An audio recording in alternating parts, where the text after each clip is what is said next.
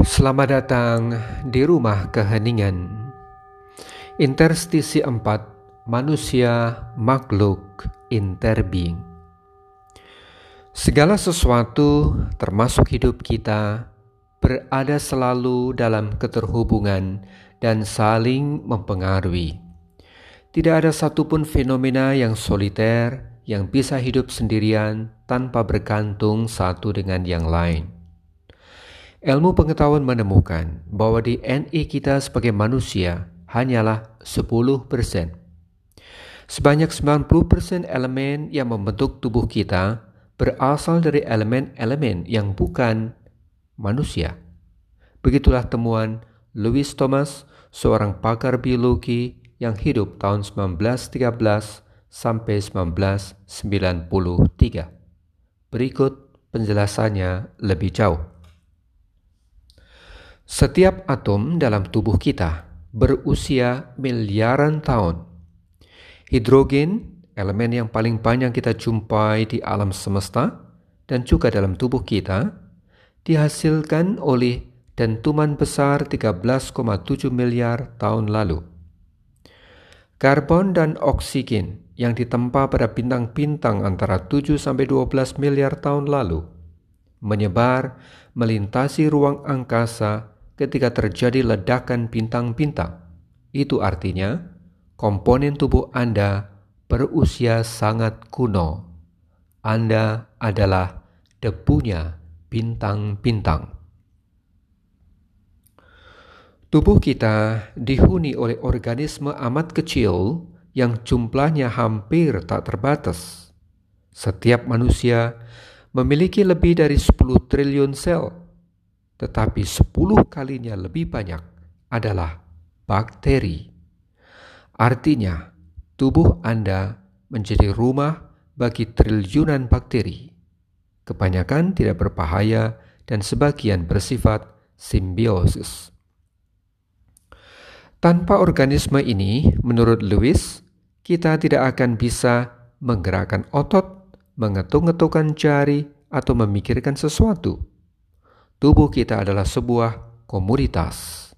Tanpa mereka semua, kita tidak bisa ada di sini saat ini. Tanpa mereka, kita tidak bisa berpikir, merasa, atau berbicara. Ibu bumi bukanlah sekedar organisme. Ini terlalu besar, terlalu kompleks, terlalu banyak bagian yang bekerja dengan keterhubungan dan kebergantungan satu dengan yang lain yang tak terlihat.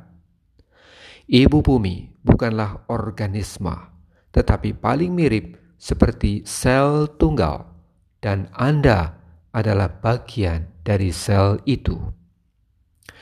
Itulah temuan Louis Thomas yang bisa Anda simak dalam tulisannya The Lives of a Cell.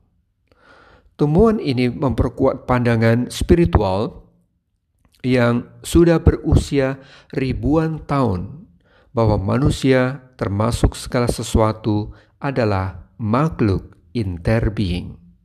Artinya, kita ada seperti ini di sini karena hanya karena ada adanya yang lain yang bukan kita. Tanpa adanya yang lain itu, kita pun juga tidak ada. Itulah interbeing. Anda bisa ada di sini saat ini karena nenek moyang, orang tua, guru-guru spiritual, keluarga dan komunitas Anda juga hadir dalam tubuh dan batin Anda sekarang ini.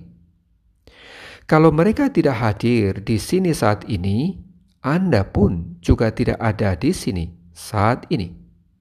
Anda, nenek moyang, guru-guru spiritual, keluarga dan komunitas Anda adalah interbeing.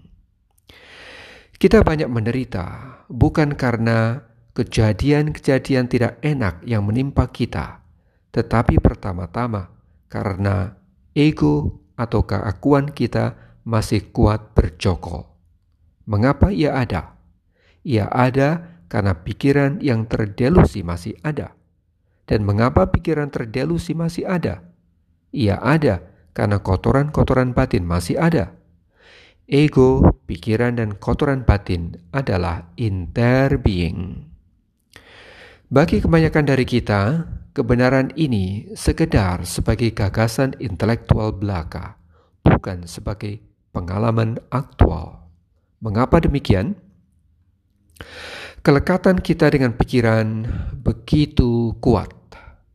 Pikiran kitalah yang memilah-milah dan memotong keseluruhan menjadi bagian-bagian yang terpisah dan tidak berhubungan seolah itulah kebenaran. Padahal sesungguhnya itu hanya ada di benak kita, bukan sebagai kenyataan.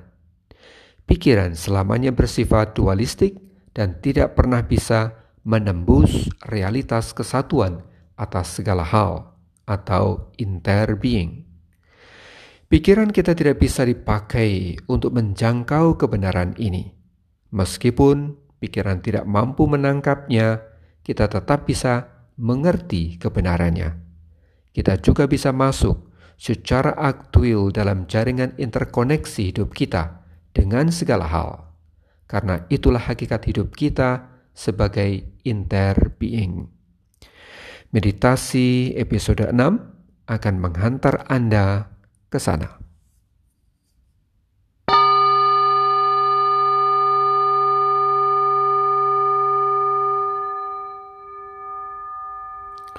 peace and blessings.